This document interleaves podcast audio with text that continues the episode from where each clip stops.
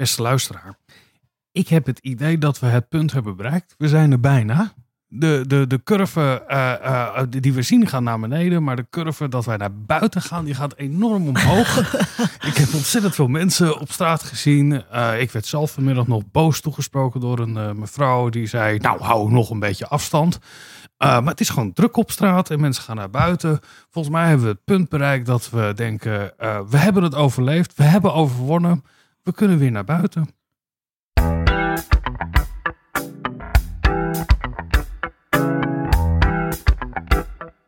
Deze podcast wordt mede mogelijk gemaakt door Code Clear. Duidelijk over websites en design. Vanuit Amsterdam is dit Onder Media Doctoren, de podcast waarin communicatiewetenschappers zich verwonderen over de media.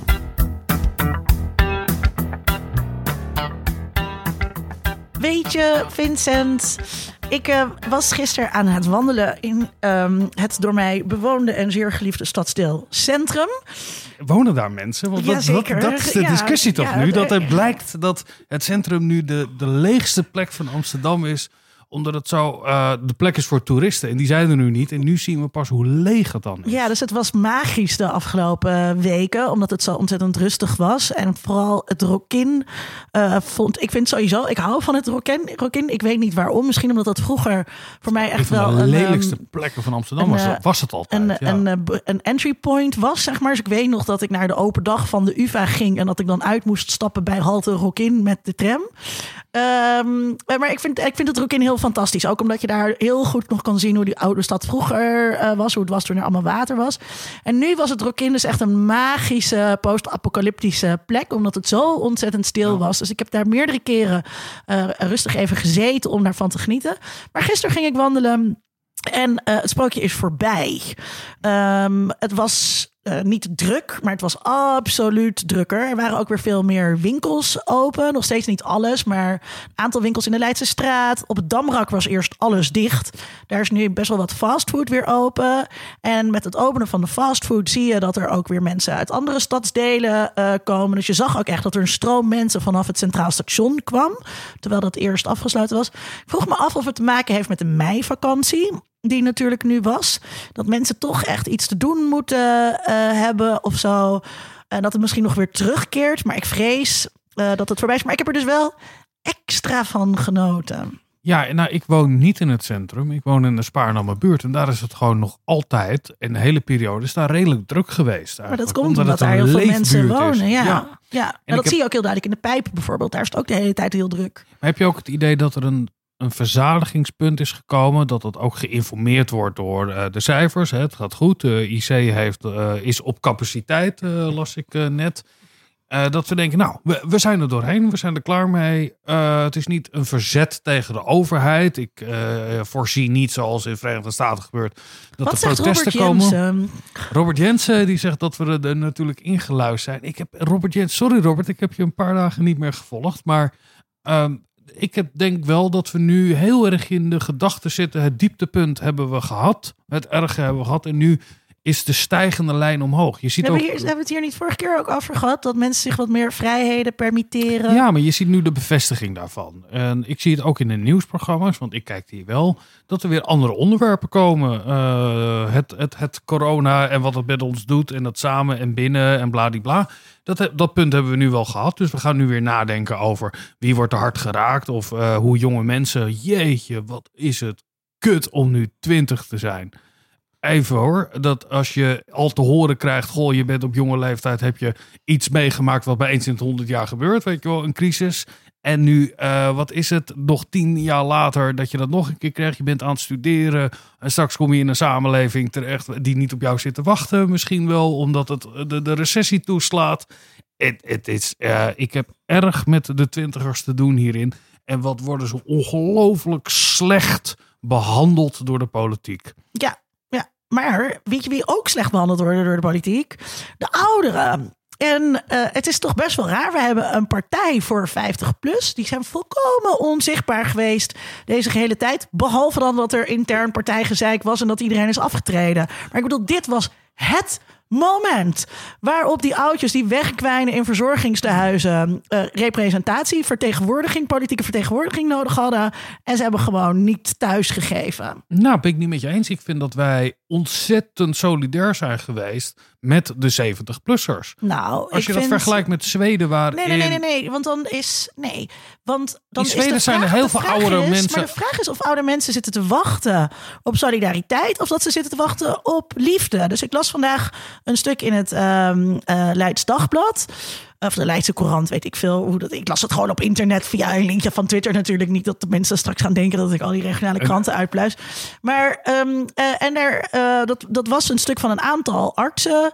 Eh, en die hadden het over het, het, wat het dilemma is. Namelijk, wil je nog vier maanden leven zonder je familie te zien? Of wil je drie maanden leven en je familie te zien? Ja. En we hebben, we hebben wel heel makkelijk gekozen voor quarantaine, voor afsluiting. En dat leed van die mensen, ook heel veel mensen die niet goed begrijpen wat er gaande is.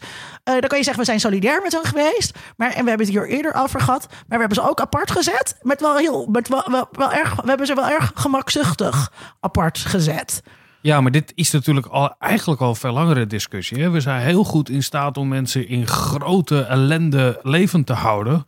Terwijl je je kan afvragen, is dat nou nog wel nodig? Wil je dat eigenlijk wel? De moeilijkheid zit er natuurlijk in, wie, wie gaat daarover? Ja, we, de, Nou ja, je Nederland, zou dus denken, al- misschien 50 plus. Nou, maar Nederland partij staat- die opkomt voor de oudjes. Ja, maar ik zou het toch, ja, ik zou het heel mooi je bent het vinden toch als... met me eens dat, je, dat, Ik- ik van, dat het we van hen niks gehoord hebben? Dat het zou een het- waardeloze flutpartij is? Dit, dit is natuurlijk een, een, een- ja, en in intern zijn er allemaal troubles en eh, ze hebben ze heel erg ingezet op het behoud van pensioenen en dat soort thema's. Het gaat alleen Eh, maar om geld. Ja, eh, maar die levenskwaliteit discussie, eh, dat is ook een hele moeilijke discussie om te voeren natuurlijk. En eh, in, in, in, in de Verenigde Staten wordt over Nederland gesproken dat hier commissies zijn die bepalen of jij nog mag blijven leven. Weet je wel, dat wordt snel in een soort eh, geridiculiseerd of belachelijk gemaakt. Dat is hetzelfde. In die discussie heb jij daarover. grote Dat- woordenschat, Vincent? ja, ja, nee, mijn vocabulaire en woordenschat is natuurlijk heel erg ruim. Over Amerika gesproken. Ehm, ik, eh, ik zag eh, deze foto. Ik ga hem ehm, misschien gewoon... eh, Wat leuk, laten we het over foto's hebben in een podcast. erbij ja. plaatsen. Het is een jongetje en die houdt een bord op. Een Amerikaans jongetje, een klein jongetje, en die houdt een bord omhoog. En op het bord staat: Work is freedom. Prachtig. Ik heb dit doorgestuurd aan een vriendinnetje van mij dat Duits is. Niet heet, maar Duits is. En ze stuurde de apen-emoji met haar handen voor haar ogen terug. Heel triest. Ja, arbeid mag vrij. Eh, nou, wat ik wel is interessant toch komen Ja, het is verschrikkelijk natuurlijk. Maar dat, econom, dat je ziet dat het menselijk welzijn verbonden is met een. een Maar een- in Amerika een, een, wordt- nee, een fijne, even- toegankelijke economie waarin mensen werken. Daar ben ik het wel mee eens. Ja, maar ik wil, in Amerika zeggen ze gewoon... eh, je moet naar je werk komen ook als je klachten eh, hebt. Ja. Want het ziektegeld is hoger dan het minimumloon. En je wil niet... Het coronaziektegeld is hoger dan het minimumloon. Je wil niet dat mensen daar eh, misbruik van maken. Eh, nou, dat is, dit is me toch wat. Nou, ik las ook over een groot bedrijf. Ik weet niet of het Amazon was, maar een groot bedrijf. Die gaven mensen een bonus als je met ziekteklachten wel ging werken. Dus je had het argument zeg maar om thuis te blijven. Dat mag dan, want dat is dan wel geregeld. Maar als je dan wel zou komen, ondanks dat je ziek was, kreeg je een bonus. Maar ik moest dus denken over die concentratiekampen dankzij die foto. En eh, ook nu dus dit, hè, van je moet naar je werk komen. Je kan niet thuis blijven. Eh, het is verhongeren of werken. Ehm, al die Amerikanen zitten toch gewoon in een concentratiekamp? Wat is dat nou weer voor ons in vergelijking? Dat slaat toch helemaal nergens op? Zij hebben geen... dus Daar, daar, Ja, maar dat heeft niks te is- maken met een concentratiekamp natuurlijk. Het is op geen enkele wijze, daar gaat deze vergelijking op. Dat is een... een, een Want in een- een concentratiekamp hoef je niet te werken. Natuurlijk, ja, maar de concentratiekamp is een middel tot vernietiging van een heel specifiek deel van de Europese bevolking. En je mag Nou, zeggen wat je wil, maar de is Verenigde is Staten dus is wel niet bezig met Want ze een- zijn wel hard een- mee bezig, Ja, nee, dat is Ze zijn er hard mee bezig. Nee, ik, ik, ik heb je op sommige momenten hoog zitten, maar niet op dit moment. Dit is een vergelijking die het echt totaal niet opgaat. Wat, Maar ze zijn bezig met Amerikanen te vernietigen. Deze mensen die gaan allemaal dood. En niet met, in, dit is niet met de bewuste intentie om volkerenmoord ja, te daarom plegen. gaat die vergelijking niet op. Ja, dat snap ik, maar eh, eh, dan maak je er een werkkamp van. Maar ik bedoel, deze mensen hebben toch... Er is toch geen enkele vrijheid op dit moment in Amerika? Nou, ik denk wel dat er... Vrijheid om gewapend als je wit bent voor, voor, een- voor, voor een overheidsgebouw te gaan staan. We, we gaan, gaan straks luisteren naar Jan Turlings. En wat ik altijd heel erg waardeer in Jan is nog een, een, een, een diep oprecht en intellectuele verbintenis met de grote strijd dat gevoerd moet worden. Dat we wel zien dat in een kapitalistische samenleving kan alleen maar functioneren op het moment dat, je, eh, eh, dat er zoiets is als winstbeginsel en, en arbeid en, en ten behoeve van een systeem. En op het moment dat dat wegvalt in dit geval, dat je ziet dat daar mensen fysiek zelfs slachtoffer van worden. Eh, in de Verenigde Staten is dat heel duidelijk, want je kan het gewoon niet betalen. Maar ook in Nederland zie je, en ik denk dat de effecten daarvan nog heel lang gaan door, doorgaan. Dat mensen werkloos zijn, onzeker worden, eh, eh, gestrest zijn. Eh, je ziet dat mensen ook in de gezondheidszorg, dat vind ik een hele interessante ontwikkeling, de GGZ, heel weinig klandizie nu hebben. Mensen gaan niet meer, ook al hebben ze mentale, geestelijke problemen, kloppen niet meer aan. Dus je ziet dat er in momenten van, Sorry? dat er in momenten van crisis. Maar je ook- kunt niet aankloppen bij de GGZ, want alles moet online. En eh, dat, dat werkt dus niet goed, want heel veel dingen kunnen niet online. En dat betekent dat allerlei mensen met hele zware eh, eh, en lichte klachten. hier is een ontzettend stuw meer aan het ontstaan van, van geestelijke gezondheidsklachten. Tel daar nog een keertje bij op. Hè. Het gebrek aan aanraking, intimiteit, Ja. isolementen waar mensen in zijn geraakt. Ehm, ik had er gisteren met mijn fysiotherapeut over. Want ik was gisteren naar mijn fysiotherapeut. Ik heb tape op mijn rug. Man, het was bijna fijner dan de Koningsdagkater hebben. Maar eh, ehm, eh, er zijn natuurlijk ook heel veel mensen die gaan naar een fysiotherapeut of naar een masseur omdat ze nooit aangeraakt worden. En dat mag nu ook allemaal Nee. niet meer. Mensen die gaan wekelijks bij een psycholoog een uurtje zitten kletsen omdat ze geen vrienden hebben om mee, zitten, mee te zitten eh, kletsen. Al die dingen zijn allemaal weggevallen. Je hebt ernstige problemen. En ik vrees. ehm, ik was, ik werd, eh, was deze week geïnterviewd Ehm, eh, voor al die regionale bla- bladen, waaronder dat Leids Dagblad en de Goeie Inlander en zo. Eh, ehm, en eh, da- daarin heb ik gezegd: ehm, we, we, we, houden ons, we doen ons dapperder voor dan dat we daadwerkelijk zijn. Dat denk ik echt. Dat mensen zitten allemaal, kom op, weet je wel, kunnen we even de schouders eronder. Ja. Zoveel offer wordt er niet van ons gevraagd. Ik mag niet klagen, hè, want ondertussen gaan er mensen eh, dood. Maar dat leed dat mensen hebben, is wel degelijk echt. Ja, en wat ik het, het, het echt het ergste nu vind. En dit is, ja, ik weet niet hoe ik dit. Ja, ik ga het toch zeggen. Eh, je ziet dat er een crisis is wat buiten ons zelf staat. Hè? We hebben, er komt een virus, dat weten we nu allemaal. Maar je ziet dat de zwakkeren in de samenleving op elk niveau, of het nou sociaal, economisch, financieel, eh, eh, wat dan Geestelijke ook, gezondheid. geestelijke gezondheid, die gaan er allemaal gewoon keihard worden die daardoor geraakt. Iedereen die Ik op word- enig vlak niet echt weerbaar is. ik ja. word op geen enkele wijze geraakt. Sterker nog, ik word eigenlijk gesubsidieerd. Op twee manieren. Ik kreeg laatst een brief dat mijn verhuurder Eimeren, waar ik in een eh vrij sectorhuis van woon, eh, toch wat terughoudend zal zijn met huurverhogingen. Waar ik van denk, nou, bring it on. Weet je wel, ik kan dat best betalen. Eh, en, en, en dus daarin heb ik al een voordeel. En alle steunpakketten die er zijn voor bedrijven, ik kan u vertellen waar die naartoe gaan. Die gaan naar aandeelhouders. Ik ben daar één van. Mijn aandelen gaan fantastisch afgelopen eh, maand. Eh, tuurlijk, er is een enorme knauw naar beneden gegaan. En dat hoort ook zo, want je neemt een risico als, als aandeelhouder.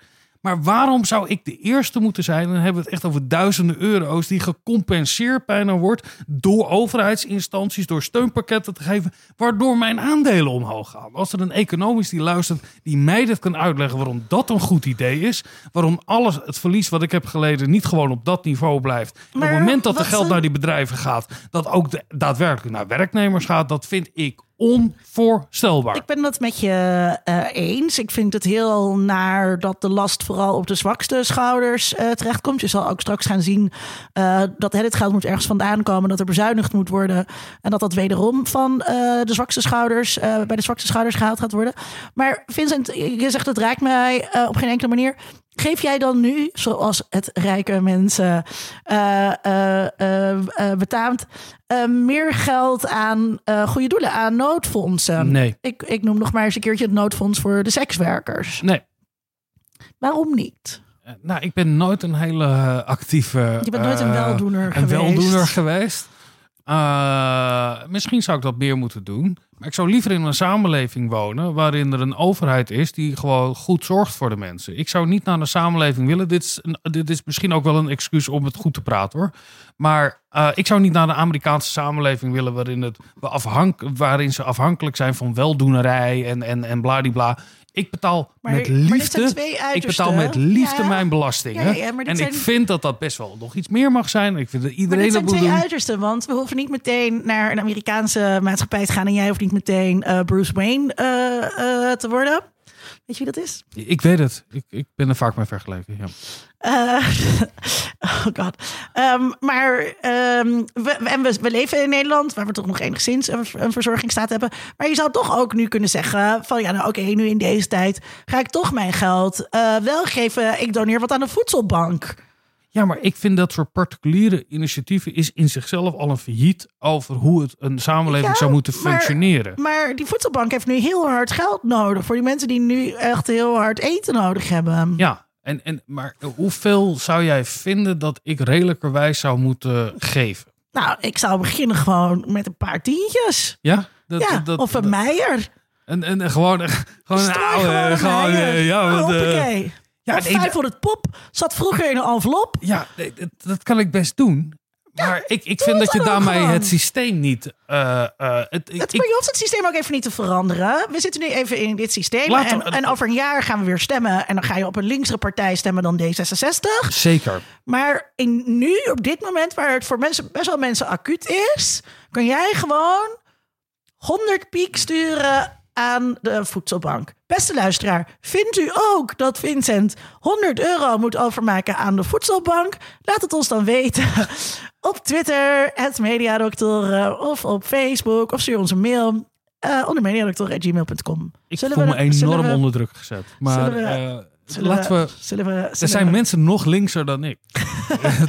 Iedereen op de universiteit is linkser dan jij. Ja. Ik dacht, ik geef je een bruggetje. Ja, maar jij bent, de, deze, jij, bent, jij bent de presentator van deze aflevering. Oh ja, dat is waar. Ja, ja gaan ze werken voor je geld. Ehm, we gaan... Uh, uh, we hebben een bijdrage, we hebben een reeks van bijdragen gekregen van een uh, zeer geliefde collega van ons. het is geen Nederlander, maar wel bijna. Want het is een Vlaming, volgens mij. Jan. En een van de bijdragers van Jan, die. Ja, we, moeten even zeggen, een... we moeten even zeggen dat we dus drie bijdragen hebben gekregen. Dus ja. u gaat nog veel meer horen van Jan Turlings in de komende afleveringen. Ja. Uh, en de eerste, daar gaan we nu naar luisteren.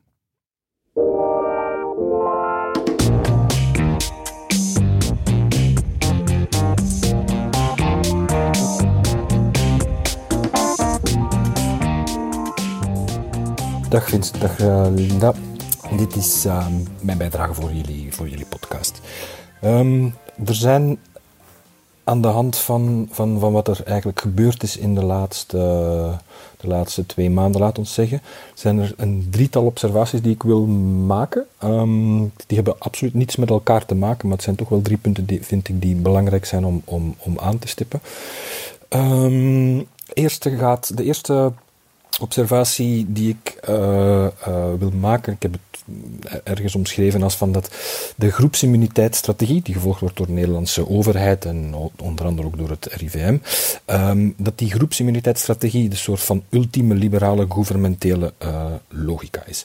Nu, als we kijken naar het debat over groepsimmuniteit, dan zien we dat het streven naar groepsimmuniteit dat dat controversieel is. Daar zijn denk ik twee redenen voor. Ten eerste, het is niet duidelijk of de blootstelling aan het virus um, tot immuniteit leidt. En er zijn al gevallen gemeld van een aantal mensen die uh, ziek waren, waren geworden van, uh, van uh, het coronavirus en toch um, en daarna nog een tweede keer ziek zijn geworden. Dus het is helemaal niet duidelijk of dat er eigenlijk wel immuniteit, of dat er groepsimmuniteit mogelijk is. En ten tweede, um, uh, en dat is denk ik precies waarom het zo'n een, een, een, controversieel punt is, is als je groepsimmuniteit nastreeft door middel van natuurlijke processen, in plaats van door middel van vaccinatie, want vergeet niet dat vaccinatie, of dat de term groep, uh, groepsimmuniteit um, um, uh, gebruikt wordt in de context van vaccinaties en niet, zo niet, niet in de context van het opbouwen van een natuurlijke groepsuniversiteit, uh, immuniteit. Dus als je die groepsimmuniteit nastreeft um, als overheid, dan ben je als overheid bereid om een substantieel aantal dodelijke slachtoffers te accepteren. En het is voor die reden dat het beleid van, van, van groepsimmuniteit um, dat dat vergeleken wordt soms, op Twitter onder andere, met uh, de eugenetica. Daar zit een kern van waarheid in, denk ik. Uh, namelijk dat de liberale gouvernementele logica uiteindelijk een logica is die bereid is om slachtoffers te laten vallen voor een groter maatschappelijk goed. En om dat een beetje beter te framen, denk ik van dat, we, dat het handig is om, om uh, te, terug te gaan naar de, de analyses van Foucault over, moderne macht. Um, en, en, en een van de kernbegrippen die hij daar aanhaalt, is het idee van dat moderne macht een, uh, een pastorale vorm van macht is. Dat met pastoraal bedoelt hij dat er zowel focus is op het collectief, en in die zin is het dus ook iets totaliserende, totaliserende vorm van macht, maar evengoed als op het individu. Want, en daarom moet je denken van dat de, de, de, kern van, uh, van het woord uh, uh, pastoraal, dat het de herder is, de pastor. en net zoals een herder let op het welzijn van de kudde is, de, is, is, die, is die herder ook tegelijkertijd bezig met het individueel welzijn van elk individueel lid van, die, van de kudde. En de moderne staat, of de moderne vorm van regeren, uh, om, het, om, preciezer te zeggen, de moderne staat gebruikt een combinatie van aan de ene kant totaliserende maatregelen op het niveau van de populatie, de bevolking, en anderzijds maatregelen gericht op het welzijn of het, het verbeteren van het individu. Een mooi voorbeeld daarvan, van, van die pastorale macht, is de welvaartsstaat bijvoorbeeld, waarbij de welvaartsstaat als doel heeft het welzijn van de collectiviteit uh, te garanderen, maar het haakt ook in op het individuele welzijn van de burgers, door bijvoorbeeld individuele verzekeringen en uh, uh, wanneer je pech hebt gehad voor, om om uh, werkloos te worden. Om, dit, soort, uh, dit soort van collectieve verzekeringen zijn ook tegelijkertijd individuele verzekeringen. Dus met andere woorden, pastorale macht ziet met andere woorden geen tegenstelling tussen het welzijn van de groep en dat van het individu. Beide als het ware gaan hand in hand. De groepsimmuniteitsstrategie van de Nederlandse staat is duidelijk niet pastoraal georiënteerd. Waarom? Want de nadruk ligt enkel eigenlijk op het collectieve welzijn, op het welzijn van het collectief, niet op het individuele welzijn. De dodelijke slachtoffers die er vallen, die moeten als het ware to take one for the team. Door het ingrijpen te beperken, kom je uiteindelijk tot een beter eindresultaat. Dat is wat de logica van groepsimmuniteit uh, uh, zegt eigenlijk. Foucault noemt deze logica um, mechanisme de sécurité, veiligheidsmechanismes. Uh, maar uit zijn, uit zijn analyse verder zie je eigenlijk dat dat een bij uitstek liberale logica is. Hij gaat bijvoorbeeld vrij diep in op de, op de uh, de, de, politieke economie als discipline die precies deze logica van, uh, uh, van, van mechanisme de sécurité, sécurité gebruikt. Um, het is zelfs dus in die zin, wat dat we hier zien, is zelfs niet eens een neoliberale logica, wat ik ook dikwijls op Twitter lees, maar het is eigenlijk gewoon good old liberalisme van de 18e en 19e de eeuw.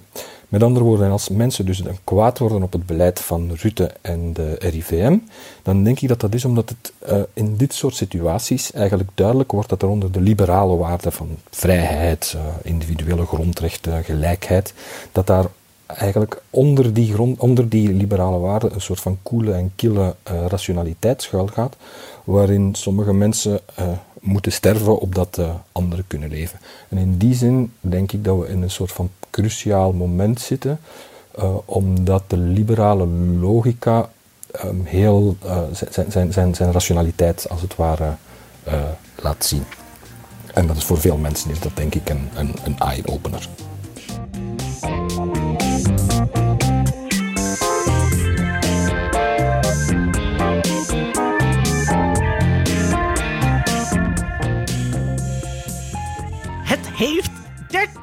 Afleveringen geduurd voordat de naam is gevallen. Is die. Daar Michel. is Michel Foucault. Yay. Pak uw bingo kaarten erbij. Uh, misschien hadden we ook even moeten zeggen... Jan Turlings is um, universitair docent bij mediastudies... aan de Universiteit van Amsterdam. En um, uh, marxist. Uh, en uh, Foucault-adept. Ja, uh, zonder, een, on, on, noem je dat, niet, zich niet verontschuldigende marxist. Unapologetic. Ja, ja en um, um, ik vind het heel interessant hoe hij um, probeert uit te leggen ook hoe, wat, wat hij helemaal aan het einde zei. Hè, van waarom, waarom eh, zijn, reageren mensen op Twitter nu zo? ehm, eh, en Twitter is natuurlijk onze habitat, maar ik, zie dat ook wel daarbuiten gebeuren. Ehm, waarom, waar, zijn ze nou eigenlijk van geschrokken? Eh, dat idee wat Jan zei, onder de liberale grondrechten gaat een kille rationaliteit ehm, eh, schuil. En ik denk dat wij aangeleerd, ik vind het heel interessant hoe wij aangeleerd krijgen dat de liberale democratie de meest logische staatsvorm is. En al heel jong krijg je dat sowieso. De democratie is de minst slechte.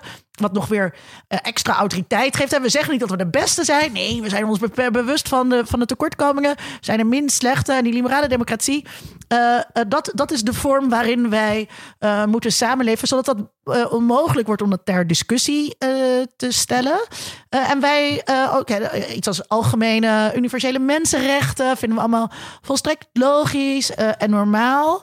En als dan blijkt ehm, dat, dat daar eh, een ideologie eh, achter schuil gaat, die misschien niet altijd eh, even leuk is voor het individu, want het wordt tot, heel erg tot een individualistische leer gemaakt. En Jan ehm, bestrijdt dat eigenlijk. Ja.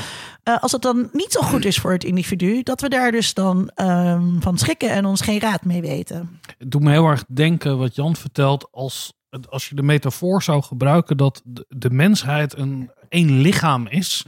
Hè, we, we, we zijn met z'n allen één lijf. Zoals je in het Engels de body, eh, Ja. je kan ook de faculty kan ook de body zijn, eh, het, Precies. het corpus, corpus wat breder, waar- ja. wa- Waarin, eh, en dat is het hele systeem, het, het, het lijf, het lichaam. En soms ook bij een lichaam moet je een been amputeren, want dat is goed voor het hele lijf. Hè? Dat bedreigt het hele lijf. Of je zou de vergelijking kunnen maken met, met chemotherapie. Hè? Je weet dat je er heel veel voor opgeeft, of dingen minder worden, of dingen zich afstoten, eh, misschien wel letterlijk, omdat het lijf zelf voort moet gaan.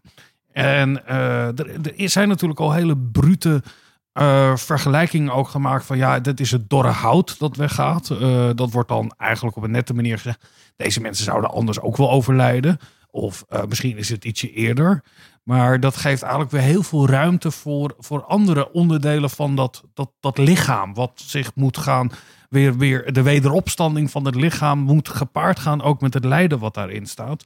En in de discussie erover, en ik heb ook hele nabije collega's gehad die daarover hebben gesproken, die misschien wel in een categorie zitten van, van grotere kwetsbaarheid. Daarin bot zeg maar een soort, ben jij bereid als individu eh, het lijden op je te nemen ten behoeve van het grotere doel? Een soort utilitair beginsel daarin. En dat botst natuurlijk heel erg met hoe wij ook opgevoed zijn. Dat je individuele rechten hebt. En dat jouw individuele recht ondergeschikt wordt gemaakt aan dat van het hele lichaam. Zoals mijn rechterbeen dat geamputeerd zou worden, zou zeggen: Ik ben ook een onderdeel van het lichaam. Dus als wij sterven, sterven wij met z'n allen of niet. Ja, dat, Maar dat, ik, het- ik vind het altijd eh, leuk als ik eh, Foucault geef aan studenten. eh, of Althusser, wat, wat, ik, wat, ik, wat, wat ik ook, ook, een leuke, ook een leuke Franse filosoof om even in de mix te gooien. Ehm, en ik leg hen uit dat bepaalde dingen, mijn favoriete voorbeeld van eh, om, om, om Foucault en disciplinering duidelijk te maken, is altijd het scheren van je benen. Ehm, dat, dat doen eh, meisjes allemaal. En niet omdat er politie langskomt. Er is geen staatsdwang om dat te doen. Maar we hebben dat geïnternaliseerd en we disciplineren onszelf. Ehm, en al dat onderhoud wat wij aan het lijf eh, plegen, dat is zodat er goede, gezonde arbeiders eh, zijn voor de staat. Hè? Dus dat eh, investeren in de volksgezondheid, dat lijkt een heel nobel eh, streven, een heel nobel ideaal. We willen toch tenslotte toch allemaal dat de zorg goed toegankelijk is. Maar dat gaat niet zozeer over individueel levensgeluk, als wel dat het ten doel staat van het kapitalisme. Dus eh, dat iedereen thuis hygiëne in acht neemt, heeft heel erg te maken met eh, eh, de industrialisering en de arbeiders die naar de fabriek moesten en die moeten gezond leven. En daarom is het belangrijk om je huisjes proper ehm, eh, te houden. En die connectie, zeg maar, hè, dus, ehm, eh, en dat is ook hè, waar, waar Jan het over had, over Foucault en de pastoraliteit. Ehm, eh, het, het lijkt alsof het over het individu gaat. Maar het gaat dus eigenlijk over het collectief. En het collectief gaat dan dus eigenlijk ook weer niet over het collectief in socialistische zin. Nee, het gaat over uh, zodat het kapitalisme goed kan draaien. En dat mensen die aan de bovenkant zitten kunnen graaien. Hey, wat leuk geruimd, Linda. Denk je dat Kijk, dit betreft natuurlijk de, de kwetsbare groepen. En de kwetsbare groepen hebben we nu geïdentificeerd als de mensen die Als mensen die niet zijn. Vincent zijn? Ja, iedereen die eh, niet Vincent is, is kwetsbaar? Nou ja, er zijn jongere mensen. Daar verlies ik het dan nog even op, op dat puntje. Maar denk je dat... mensen zijn hartstikke nee, kwetsbaar. Nee, maar je hebt net gezegd, je zou nu maar twintig zijn. Die mensen zijn hartstikke kwetsbaar. Ja, maar niet fysiek voor dit specifiek. En dat is dat, dat, dat, daar ging ik naartoe dat het natuurlijk ook heel makkelijk is om te zeggen: Nou, laat die 75-plussers, uh, eh, die gooien we wel voor de bus. Want uh, ja, die leveren ook niks meer op. Hè, die kosten alleen maar. dus het systeem, ook het economische systeem draaiende houden, zou die groepsimmuniteit, als je daarnaar zou streven, is een kostenpost die je kan nemen want die heeft namelijk een dubbele winst. namelijk de mensen die in het economisch-financieel systeem meedraaien, die blijven overeind. En degene die alleen maar iets kosten, namelijk oude mensen, dat dorre hout wordt weggekapt voor het licht wat weer op aarde moet schijnen. Toen die doorhoud-discussie tussen aanhalingstekens een beetje op gang kwam, heeft Maarten Keulemans uh, voor de Volkskrant um, uh, een soort uh, fact-check-achtig iets gedaan. En, en van, maar zijn het, zijn het inderdaad alleen maar oudjes die ziek worden, want ook jonge mensen worden ziek. En als je dat allemaal laat gaan, dan is er nog steeds een grote druk op de zorg en nog steeds een enorme economische schadepost. Want dan gaan er allemaal um, mensen dood die, die we dus heel goed kunnen gebruiken als radartjes in dat werk. Maar ik vind het dus, en ik heb dit volgens mij wel eerder gezegd. Het is dus heel. Dus Maarten Keulemans gaat daarin totaal mee in die neoliberale logica. Dat het dus draait over. Uh, uh, kostenbaten, uh, wie gaat er dood en wat, wat. Dat alles wordt in financiële termen beredeneerd, alsof er dus niets anders is mijn moeder appte mij. Misschien is het iets persoonlijk, maar ik vind het wel interessant om te vertellen. Vertel uh, over je moeder. Ja, mijn moeder appte mij. Nou, als het allemaal, als ik het krijg en ik word heel erg ziek, ik hoef niet naar de IC. Weet je wel, ik wil geen bed bezet houden op de IC. Punt. Je vader wel. Waarmee je dus als jij. dit, is, dit vertelt, dit vertelt u iets over de verhouding tussen Vincent's moeder en Vincent's vader. Nou, maar ik kan me heel goed voorstellen dat als jij nu in de 70 bent, dat je denkt. Ja, ik weet niet of ik nog die plek mag opeisen. Want elke eh, bed waar ik in ga liggen, zeker drie weken geleden, daar had ook een leuke jonge man van 45 in kunnen liggen. Ik bijvoorbeeld. Uh, dus ik, ik ontneem iets aan dat lichaam. Die, die vergelijking die ik maakte. Ik maak het, het hele lichaam zwakker, omdat ik voor mijn diepe egoïstische eisen wil dat ik blijf leven. Ik had dus steeds het idee, als ik seks ga hebben, dan sterft er een oud omaatje. Uh, ik als single moet dit offer brengen, want anders gaan er oude omaatjes dood. Ja, maar ik las ook bij jou, tenminste we hadden het erover, ik las het helemaal niet. Ik stuurde jou een berichtje dat het uh, een aantal clubs in Amsterdam hadden gezegd, nou weet je, die anderhalve meter samenleving, dat werkt niet. Laten we gewoon alleen maar twintigers en dertigers toelaten. En beste luisteraar, Linda wordt niet meer in deze categorie. U denkt natuurlijk, zij is 23. Maar uh, hoe, hoe kijk je daar dan naar? Want jij zei, daar ben ik wel voor. Ik laat mij discrimineren op basis van leeftijd door niet meer naar clubs te gaan. Ja, en dat is, dat is een offer dat ik gaarne uh, breng. Want... Dat is dan precies hetzelfde waar Jan het over heeft. Dat je je dan opoffert voor dat soort systemen. Ja, maar kijk, ik, ik uh, ben zelf nogal een partygirl. En omdat ik dus al 43 ben, heb ik echt een leven vol met parties geleid. Ik heb er met volle teugen van genoten. Ik kan ook wel even overslaan. Weet je, voor mij is ja, dat is hetzelfde argument wat mijn moeder maakt. Weet wel, ik heb het leven geleid. nee, want, want ik, ik, ga, ik, ik, ik ga niet nooit meer feesten. Het is meer dat, ja, voor die 20-jarigen nu is het echt heel kut. En voor de, en voor de clubs is het ook echt heel kut. Uh, dat ze niet open kunnen. En uh, ik heb liever dat ik thuis moet blijven. En dat twintigers en dertigers dan wel gezellig tegen elkaar kunnen aanschuren. Dan dat we allemaal op anderhalve meter in die club moeten. Want dan is er sowieso geen fuck aan. Maar vind jij dat je als individu een verantwoordelijkheid hebt voor dat collectief? Nee. Maar ik vind wel dat je um, uh, uh, op individuele basis, uh, vanuit het individu geredeneerd, kan ik, kan ik daar wel wat van vinden. Maar ja. ik, ik vind niet dat ik die verantwoordelijkheid heb. Nee. En ik, dus ik had op mijn Twitter gezet en toen waren er allemaal andere oudjes en die zeiden, dan gaan we valse ID's maken en zo. Ja. Nou, maar ik weet ook niet of ik het helemaal met Jan. ehm, ik weet ook sowieso niet of ik het met Jan eens ben. Volgens mij is namelijk de strategie van onze overheid helemaal niet zozeer ehm, groepsimmuniteit. Maar zitten we tussen twee varianten in? En is het een misvatting om te denken dat wij voor groepsimmuniteit gaan? En ehm, wat ook een probleem is, ja, wat is het alternatief? Weet je? De complete lockdown is namelijk ook geen goede oplossing.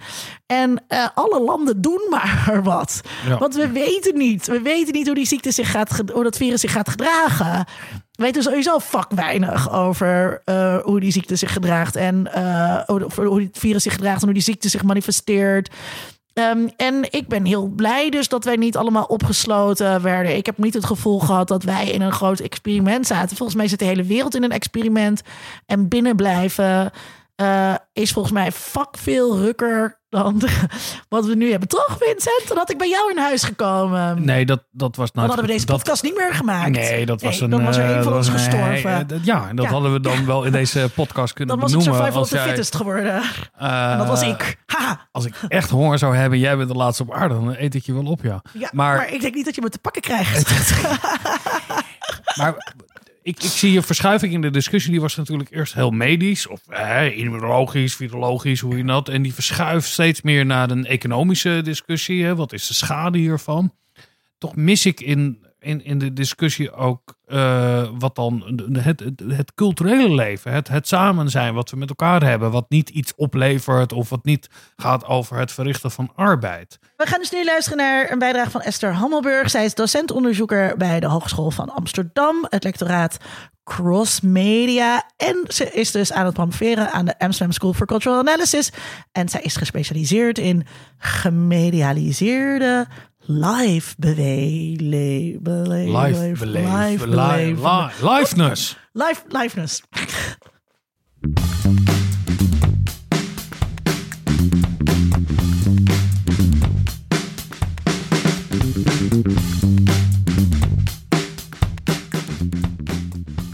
Hi Linda en Vincent.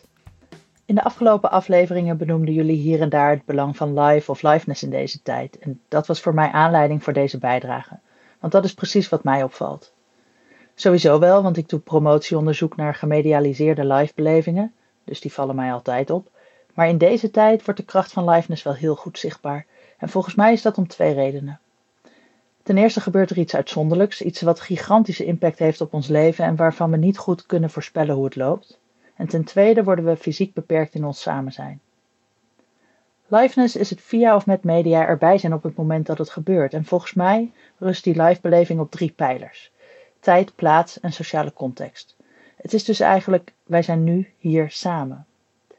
Het theoretisch concept liveness legt er de nadruk op dat dit gevoel belangrijker is dan of een live medium wel op de precieze seconde gelijk loopt met het event. Volgens Jane Foyer berust dit gevoel op vier noties.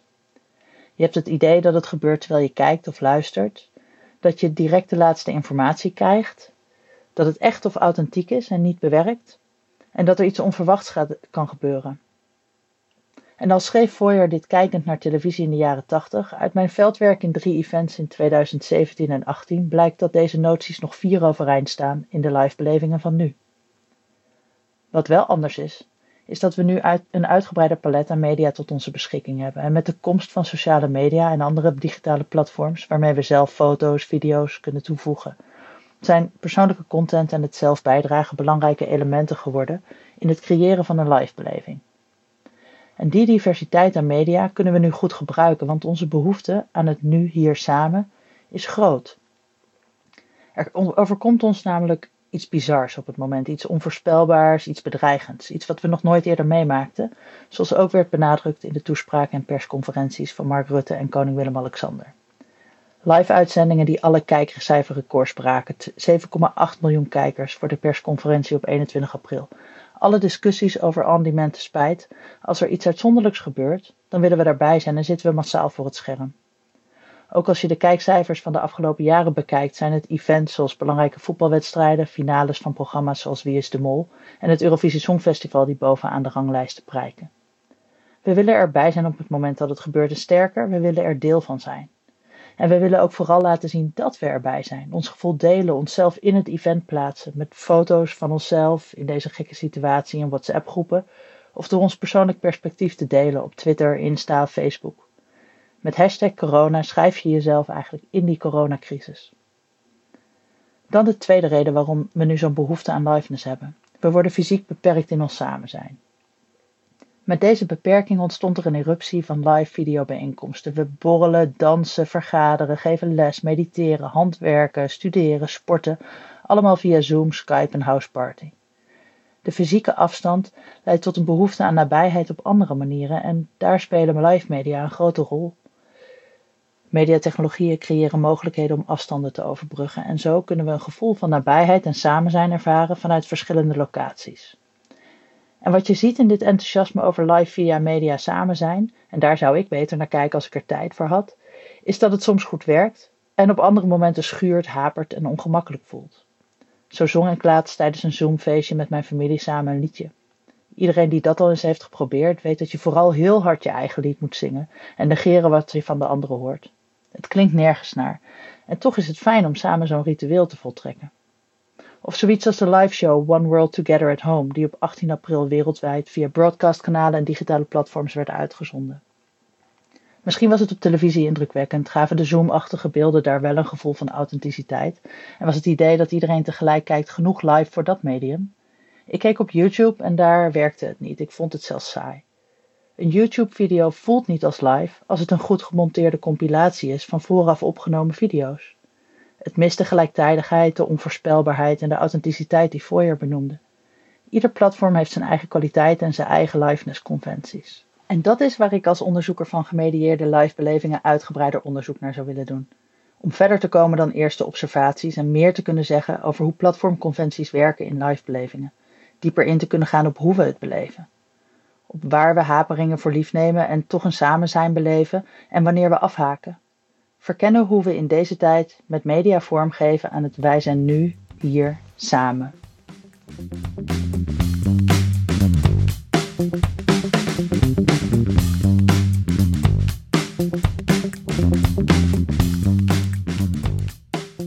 Ik was met iemand aan het wandelen voordat die belangrijke Rutte-persco kwam.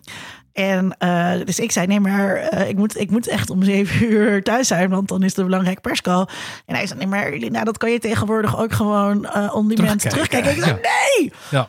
Dat kan dus niet. Je kunt niet. Het, dat was de, de hele belangrijke, zeg maar. Uh, ik weet niet meer van wanneer het was, maar je, je weet welke ik bedoel. Oh, voor de cursus is dit natuurlijk kut. Uh, dit was die van 21 april, meen ik. Uh, dat heb je helemaal Toen niet zo scherp wanneer wat, wat duidelijk is. ging ja. worden hoe lang welke maatregelen nog zouden doorgaan. En nee, veel eerder maart was dat. Nee, nee de, de, meest recente hele belangrijke. Waar oh, die zei, ja, ja. De, de, de, scholen gaan weer open na de meivakantie. Um, en, uh, en, en ik vond dat dus een hele mooie uh, illustratie van wat Esther hier allemaal aandraagt. Je moet het nu weten. Niet met 10 minuten vertraging, maar nu. Want het is ontzettend belangrijke informatie. En ik merk ook dat um, als ik de persco, uh, alle persconferenties die ik kijk, kijk ik met mijn vrienden. In de zin dat de groepschats gaan dan. Ja. Iedereen is uh, real-time commentaar aan het geven op wat daar gebeurt. Ja, als jij fan bent van Ajax, dan kan je heus wel zeggen: Goh, ik neem de wedstrijd op of ik kijk hem terug. Maar dat is natuurlijk niet hetzelfde. Hè? Dat, het, het is de wetenschap dat je dat doet op het moment dat iedereen dat doet dat draagt bij aan die ervaring. We hebben, ik vind het dus interessant, want nu ga je uit van een al bestaande betrokkenheid. Hè? Dus je bent Ajax-fan of uh, uh, je leeft in een land die, dat in een intelligente lockdown uh, zit. Maar um, liveness wordt juist ook heel veel ingezet om betrokkenheid te creëren, waar er nog geen betrokkenheid was. Zeker. En, en, en, en ik zit heel erg de, de referentie die Esther maakt naar de, de feilbaarheid die zit in liveness. Hè? Dat, dat we daar in televisie uh, is daar veel over geschreven. Karin van S heeft erover gepubliceerd, is erop gepromoveerd zelfs over liveness. Dat wat je nu ziet, ik geef nu ook les online en dan moeten er, dan gaan er dingen mis. En dat hoort bij die ervaring. Weet je wel, iemand, oh, kan iedereen mij horen? Weet je wel, iedereen die heeft die ervaringen nu. Dat is op televisie al heel veel jaren heeft ook geleden. een belangrijke rol gespeeld met de overweging dat wij uh, van onder mediadoctoren ooit live op zender gingen. Dat Zeker. we ook dachten, Dat- oh, maar dan is het leuk voor de kijker dat ze dan achter de schermen Live kunnen heeft zien. te maken met urgentie. Weet je wel, het, het gebeurt op dat moment. Als je het later kan bekijken, heeft het dus niet die temporele urgentie. Ja, En ehm, ik denk in deze tijd. en va- vaak ook fictieve temporele eh, urgentie. Hè? Dus ehm, ehm, ehm, wat Esther ook zei, iets hoeft niet nu te gebeuren om een gevoel van liveness te creëren. Ja, en ik had gisteren eh, eh, een feestelijke bijeenkomst, eh, ook eh, digitaal online. Er werd eh, een van mijn collega's, het hoogleraar, hartstikke leuk. Dus er waren Oh, allemaal waarom was ik mensen. er niet bij? Ik ben toch ook jouw eh, collega? eh, ja, zeker. Nou, je had, eh, Nana is hoogleraar geworden. Dat nu, oh, eh, wat leuk. publiek, Nana eh, Verhoef, Nana, gefeliciteerd. Gefeliciteerd, Nana. Eh, maar er was iemand, ook een hoogleraar, filosoof, wat ik dan heel grappig vond. En die zei niet zoveel. En in Teams, als je niks zegt, dan ben je ook weg. Dan ben je niet in beeld. En iemand zei, eh, Paul, ben je er nog steeds? Ja, ik vind het gewoon heel fijn. Hij was een flesje wijn aan het drinken. Ik heb nog nooit in Om- Teams gewerkt, maar Teams is dus gewoon sowieso mijn tool. Want dan ben ik altijd in Da- beeld. dan zou je altijd in. Ja, dat is ook een mooie be- beloning dat je op een gegeven moment ook iets gaat roepen omdat je gewoon in beeld wil zijn. Eh, en, en, en trouwens, dit, nou, William Uricchio, een beroemde eh, wetenschapper, die riep ook dat zichtbaarheid en geluid. eh, het, het was natuurlijk een hele interessante borrel, want er waren allemaal intellectuelen. Maar die vertelde dat geluid altijd in een omgeving zit, een omgeving creëert, maar beeld eigenlijk de, de omgeving kleiner maakt. En dat vond ik een hele interessant inzicht. Zeker terwijl iedereen gewoon een wijntje aan het drinken was, dat William daarmee kwam. En daar zat ik later over na te denken. Dat is heel erg waar. Je kan een muziek luisteren of, of een podcast luisteren. En dat vult zeg maar de hele ruimte. Terwijl als je met beeld, dan beperk je je ruimte. Je zit op de bank, op de kade of je zit op je ding te kijken. En er was een andere collega en dan zei iemand, goh, ben je er nog? Hij zegt, ja, ik vind het gewoon heel fijn dat ik erbij ben. Maar ik hoef niks te zeggen, maar dat jullie aan het praten zijn. Eh, dat een, een idee van liveness. Dat Dat staat je, echt heel ver van me af. Ja, maar er Ik zijn had, mensen ehm, die die bescheidenheid hebben. Dat het fijn is om dat gebabbel te hebben. Ik had afgelopen zaterdag een eh, hele toffe drag pub quiz via de Zoom uiteraard. En ehm, eh, vrienden zaten dus allemaal eh, met ofwel twee of drie of alleen eh, bij de webcam. En een van de dingen die we moesten doen in deze pubquiz, want het is met drag, was ehm, lip sync for your life. Ik weet niet of je wel eens hebt gekeken naar RuPaul's Drag Race. Ik, ik weet het, mijn, mijn geliefde heeft mij wat een- geïntroduceerd. weet je wat een lip sync for your life is? Ja, dat is... Dan moet je? Je... Je moet lipzinken bij het nummer. Toch playbacken heette dat Ja. vroeger bij Henny Huisman. Precies, Ja, ja. playback alsof je leven ervan afhangt. Eh, en eh, ik was met eh, twee vriendinnetjes en het was zaterdagavond en we hadden het reuze gezellig met elkaar. Eh, maar we gingen ook onwijs performen voor die camera. Terwijl we hadden dus de hele ruimte waar we in konden lipzinken. Maar wij zaten elkaar toch te verdringen eh, om voor die webcam. Want het telt alleen maar ehm, wat geregistreerd wordt natuurlijk. Nou, ik vond het inzicht van... En bovendien, eh, elke keer, eh, we, we- we waren dus met verschillende mensen. En degene die eh, de macht hadden over de Zoom, hè, dus die, die bepaalde ehm, wie nu op beeld kwam, zeg maar. Ja. Wie nu op het grote scherm kwam. En daar draaide het toch wel om. Dus op, op het moment dat we net geweest waren, dan gingen we ook weer even op de bank gewoon zitten. En weer even niet doen. We gingen niet door lipzinken, terwijl het nummer nog niet afgelopen was. ik, ik, ik- eh, de filmtheorie is natuurlijk iets dat in de eh, jaren 50 echt opkwam en over nagedacht. En een van de grote theoretische concepten binnen de filmtheorie is, gaat over kadrering. Hè? Wat, wat zie je in beeld? Wat zie je, zei K3 in. eh, wat zie je in beeld en wat zie je niet in beeld? En je kan natuurlijk heel veel suggestie hebben over wat buiten het kader ligt. En- Jaws. Eh, ja, b- b- bijvoorbeeld, maar je kan ook, eh, als jij met iemand zit te zoomen of skypen en iemand kijkt ineens heel woest naar rechts. En luister, dat doe ik nu.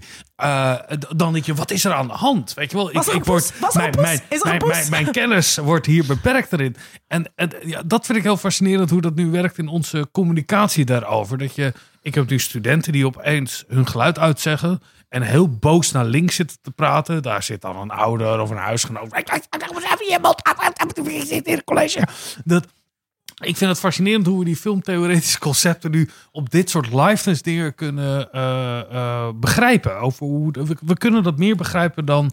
eh, een paar jaar geleden, omdat het zo'n ontzettend onderdeel is geworden Um, van ons Esther had eerder aan ons de vraag gesteld. Dat was Esther toch? Over wat, wat doet het met je dat we constant in beeld te zien zijn?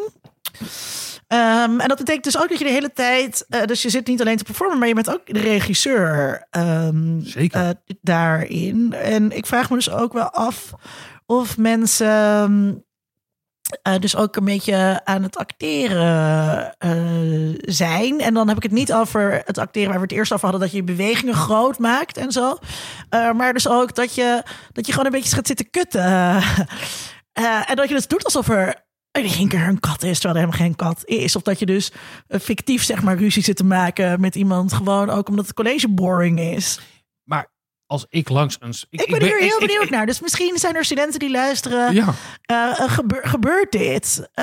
Of zitten jullie stiekem in WhatsApp-groepen ondertussen eh, kamers? Weet je wel, vroeger, vroeger, ja, dat is echt, god, ik ben echt zo oud. Vroeger op school, als ik me verveelde, dan ging ik met degene die naast me zat, ging ik een kamertje verhuren. Weet je, dat je van die streepjes zet op een papiertje en dan, eh, als je dan vier streepjes hebt, dan heb je, Linda komt, eh, is geboren in 1869. dat, dat, ja. dat- dat- nee, maar en, sowieso briefjes uitwisselen en dingen, weet je, dat doe je omdat je bored bent. En Ja. mensen zijn nu nog steeds bored. Dus wat doen mensen nu met hun medestudenten die niet bij hen in een fysieke ruimte eh, zijn om die eh, saaiheid tegen te gaan? Dat willen Ja. wij heel graag. Ja, en wa- waar ik ook aan zit te denken is, ik heb heel veel van dat soort gesprekjes. En beste luisteraar, met wees nou eens eerlijk gewoon. via de Zoom. Ja, gewoon werkgesprekken, vergaderingen. Ik geef onderwijs nu. Ik verdenk... Vincent geeft onderwijs. Ja, ja, dat is belangrijk. de krant. Ja, dat is ook wel. Mag Eh, ook wel eh, even, nu het coronanieuws niet meer zo belangrijk een, is. daar gaat een boel tijd en energie in zitten, dat echt, onderwijs geven. Ja, dat, Oh, nee. dat zou eens iemand bij een onderwijsdirecteur moeten melden. Maar eh, ik zie heel veel collega's...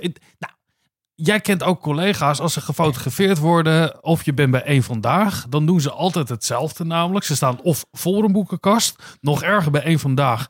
Staand staan ze een boek te lezen naast hun boekenkast. Dat doen wij schijnbaar als wetenschappers. gebeurt voortdurend. Maar ik zie het nu ook in Zoom dat ik toch wel te veel collega's heb die voor hun boekenkast zitten. En dan denk Maar ik, dit, hier hebben we het al over gehad, Vincent. Nee, je moet niet zo in herhaling vallen, want dan kunnen we deze aflevering niet meer maken. Hier hebben we het echt al over gehad. is dit al benoemd? Ja, hier het- en toen heb ik gezegd dat het natuurlijk, eh, je kan het zien als een performance. Ehm, maar je kunt het, maar je kunt, ja, maar de realiteit is natuurlijk ook wel gewoon dat heel veel wetenschappers een werkkamer hebben met boeken. En ze zitten gewoon in die werkkamer, want ze zitten niet in een huiskamer.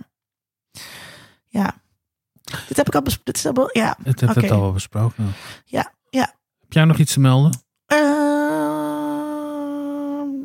nee, ik ga ook in herhaling vallen. Beste luisteraar, we- we- we- misschien we gaan, eh, moeten we hiermee doorgaan met deze reeks? Of zeg je van nou, we hebben eh, Linda en Vincent nu wel, eh, nu, nu is het wel weer eh, eh, gehoord. Of maar misschien hebben de luisteraars ook wel onderwerpen. Waar wij het nog niet over denken, hebben gehad. Ja, Ja. daar zou ik Vincent en Linda wel eens over willen horen. ja, want onze wereld wordt ook kleiner natuurlijk. Want we vragen natuurlijk wetenschappers om hun bijdrage in te spreken. Maar ook als je niet wetenschapper bent of Cesar Majorana en je wilt graag iets inbrengen, Ja. dan kan je dat gewoon doen. Of zoals Marius die een mooi lied had gemaakt ja, voor en ons. als je niet weet hoe dat moet, eh, mail me dan even en dan stuur ik je een instructie over hoe je een audio, audiobericht inspreekt. Zouden wij hartstikke leuk vinden. Zouden we heel leuk vinden. Even bedanken. Eh, ik wil graag al onze vrijwilligers bedanken. Die Soner, die eh editen. Ik wil Esther bedanken voor haar bijdrage. Ik wil Jan bedanken. Die gaan we nog een paar keer terug horen. Dus En we moeten sowieso door, omdat Jan er natuurlijk, is natuurlijk. Ja, we moeten sowieso nog twee afleveringen maken om wel Eh, verder we- aan het woord te laten. En we moeten natuurlijk bedanken Matthijs van Lisdonk. Matthijs van. Die ons geld geeft. Wilt u ook geld geven, maar wilt u dat het naar mij gaat en niet naar Vincent? Want ik ben niet heel erg rijk. Ik heb geen aandelen. Ik heb alleen maar economische schade. Ja, Dan- en schulden bij mij. En schulden bij Vincent. Ja, Ja. precies. Er zit een doneerknop op onze website. En je kunt ook onze Patreon worden. En heel veel dank aan onze sponsor. Oh ja, heel veel dank aan onze sponsor. Code Clear. Moet jij Eh, zeggen? Code Clear voor alles wat je Nee, moet je moet doen. zeggen wat de slogan is van Ik Code weet niet meer wat de slogan is van Code Clear. Die zit aan het begin. Dus luister, als je de slogan wil weten. Tot de volgende luister- keer. Tot de volgende keer. Luister Ja. nog een keer. Dag.